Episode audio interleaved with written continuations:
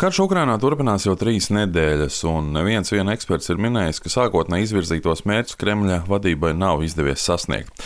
Taču pagaidām nekas neliecina, ka kara darbība varētu mitēties. Kādi jūsuprāt pašlaik ir Krievijas mērķi? Mēs saprotam, ka viens no Krievijas pašreizējiem mērķiem ir terors, lai noturētu spiedienu uz Ukrainas valdību, kā arī militārās un civilās infrastruktūras iznīcināšana. Otrs mērķis ir nogriezt Ukrainai pieeju jūrai. Viņi jau vairākas reizes ir mēģinājuši izsēdināt savus spēkus Odesā, taču mūsu spēki tur jau ir kārtīgi sagatavojušies. Krievu desanta kuģi jau vairāk kārt ir pietuvojušies, taču bijuši spiesti griezties apkārt. Tāpēc tagad Odesa un tās apkārtne tiek apšaudīta ar raķetēm un artilēriju. Un tiešais Krievu pasaules fīrera kārotākais mērķis, protams, ir Kīva. Visi bīstamākie spēki, tostarp Kadirovieši, ir novirzīti tieši uz Kīvu. Dod Dievs, ka mums izdosies to visu utilizēt, bet pašā Krievijā cilvēki pārstās baidīties kaut ko darīt. Es gan uz to īpaši neceru, bet gadījumā, ja visi šie kadirovieši un citi slepkavas tiks šeit likvidēti, varbūt arī Krievijas iedzīvotājiem radīsies iespēja no viņiem vairs nebaidīties, iziet ielās un mēģināt paņemt savu dzīvi savās rokās. Pēdējās dienās visai plašu rezonanci izraisīja Krievijas pirmās televīzijas kanāla darbiniece, kas ielauzās ēterā ar plakātu un protestēja pret karu. Daudziem ir radušies jautājumi par šādas rīcības patiesumu, un es zinu, ka arī ļoti daudzi ukrāņi ir noskaņot ļoti skeptiski, ka šāda rīcība kaut ko varētu mainīt. Kā jūs uz to visu skatāties? Ну, представьте себе, ну, был такой, у него длинное имя. Его... Ziniet, reiz Rondas radio strādāja viens beļģis. Viņam bija garš vārds, bet vairāk viņš bija pazīstams ar vārdu Omārs. Viņš bija viens no tiem, kurš aicināja veikt etnisko tīrīšanu un genocīdu. Iedomājieties, ka viņš pirms sava aresta būtu teicis: Klau, varbūt izbeidzam karu, vai viņš uzreiz kļūtu par varoni, kaut arī visu laiku līdz tam bija aicinājis nogalināt nevainīgus cilvēkus. Tieši šī pati situācija ir Krievijā. Šī sieviete astoņus gadus bija strādājusi Krievijas propagandas kanālā, un tagad viņa tiek padarīta par varoni. Rietumos ir tāda slimīga vēlme meklēt labos krievus. Tas ir kaut kas briesmīgs. Man labie krievi ir tie, kuri jau pirms 2014. gada bija pret Putinu, un tie, kuri nebalsoja par Krimas aneksiju, bet tie, kuri bija pašreizējā režīma veicinātāji un atbalstītāji, kuri faktiski nogalināja informāciju, bet tagad pēkšņi ir nākusi apskaidrība, tie nav labie krievi. Tāpēc es gribu teikt, ka Krievu pasaules fīreram un viņa tuvākajiem līdzgaitniekiem ir racionāli mērķi, kurus atbalsta lielākā daļa sabiedrības, vai arī viņiem vienkārši viss vienalga. Krievijas propagandai tomēr ir ļoti liela ietekme uz Krievijas sabiedrību un to, kā tā redz notiekošo Ukrajinā. Kad pirms dažiem mēnešiem viesojos Ukrajinā, daudz teica, ka pierobežā ar Krieviju ļoti daudz dzīvo šajā informācijas telpā. Vai jūsuprāt, šajās dažās nedēļās Ukrajinā kaut kas ir mainījies? Русская пропаганда рассказывает про русскоязычных и что они пришли сюда защищать Донбасс. Krievijas propaganda stāsta par krievalodīgajiem un to, ka viņi šeit ir ieradušies aizsargāt Donbasu, taču patiesībā pašlaik lielākie triecieni tiek veikti tieši pa krievalodīgajiem. Līdz 24. februārim tomēr bija ļoti liels īpatsvars cilvēku, kurus varētu uzskatīt par rusofīliem, kuri mēģināja teikt, nu jā, viņi uzbruka, taču mēs tomēr esam viena tauta un tā tālāk. Taču tagad ar šīm bombardēšanām, ar Harkivas un Mariupoles iznīcināšanu, viņi pilnībā nogalinās jebkādas atsevišķu ukrāņu ilūzijas par to, kādi ir Krievu pasaules patiesie mērķi. Ja mēs paskatīsimies pret šo Krievu pasauli Donbasā karojošo uzņemtos video, tad redzēsim, ka 90% ir krievalodīgie. Protams, ir kaut kādi pensionāri vai vidējās paaudzes cilvēki, kuriem vēl bija kaut kādas ilgas pēc Krievijas, taču jaunākā paudze vēsturi uztver pavisam citādāk. Kaut vai pieminēsim bataljonu Azov, kuru Krievijā dēvē par nacistiem un kuri pašlaik varonīgi aizstāv Mariupoli. Es pazīstu dažus no šiem puišiem. Viņi ir ļoti nacionālistiski noskaņoti, lai arī paši lielākoties ir krievi. Un tas tikai liecina par to, ka ir izveidojusies Ukrainas politiskā nācija, kurā nav svarīga ne valoda, ne reliģija, ne etniskā izcelsme.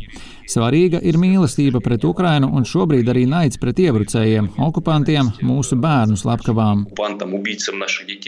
Tikmēr arī šajā kara situācijā joprojām notiek aktīvas sarunas par konfliktu izbeigšanu, un kā jūs redzat um, iespējas panākt mieru diplomātiskā ceļā? Не может быть э, договоренности с Россией, э, когда они требуют э, фактически демонтировать украинское государство. Nav iespējams vienoties ar Krieviju, ja viņi faktiski pieprasa demontēt Ukrainas valsti. Tāpēc pašlaik mūsu galvenais diplomāts ir bruņoto spēku virspavēlnieks Valērijas Zelūžnīs, kura vadībā tiek likvidēta Krievu bruņotehnika un šī Krievu pasaule tiek pārvērsta par melnzemi. Bet pēc laika, kad Krievija sapratīs savu nespēju sasniegt izvirzītos mērķus, nespēju atgriezt Ukrainu savā ietekmes sfērā, karā, kad sapratīs, ka nav iespējams ielikt no Kremļa vadāmu marioneti, kad sapratīs, ka nav iespējams ietekmēt Ukraiņu izvēli, kā dzīvot, ar ko tirgoties un kādos blokos iestāties, tikai tad būs iespējams runāt par uguns pārtraukšanu un pamieru. Es neticu, ka ar Krieviju ir iespējams mierīgi līdzās pastāvēt, kamēr tā atrodas savās robežās, kamēr tā pati nav denacificēta un kamēr ir Putins ar saviem tuvākajiem līdzgaitniekiem un kamēr vairums sabiedrības atbalsta šovinistisku un gandrīz vai fašistisku ideju ideoloģiju, ja vien Krievija nesabruks un tajā nesāksies kaut kādi pārmaiņu procesi. Varbūt pēc kāda laika šīs milzīgās himeras teritorijā izveidosies vairākas mazākas, mazāk agresīvas un mazāk naidīgas valstiņas, tad varbūt situācija mainīsies. Pašlaik mums ir jārēķinās ar ilgstošu karu, iespējams ar pauzēm, lai varam pārgrupēties gan mēs, gan viņi tālāko Fīrera vēlmju izpildēji. Startautiskā sabiedrība šajā situācijā ir izrādījusi pārsteidzošu vienotību un pret Krieviju ir piemērotas nepieredzēt lielas sankcijas, taču Ukrainas puse joprojām pieprasa vēl izlēmīgāku rīcību, arī preventīvas sankcijas un uzskata, ka rietumi varētu būt darījuši vairāk. Мы знаем, что благодаря санкциям Э, российская экономика находится на грани дефолта. Jā, mēs zinām, ka sankciju dēļ Krievijas ekonomika pašlaik atrodas uz maksātnespējas robežas, lai arī Krievu finanšu ministrs apgalvo, ka tas viss ir mākslīgi radīts. Tās, protams, ir pozitīvas ziņas, taču diktators neapstāsies tik ilgi, kamēr nenomirs vai kamēr viņu nenogalinās. Taču es uz to īpaši necerētu. Var gan pienākt brīdis, kad viņiem beigsies nauda kara turpmākai veikšanai.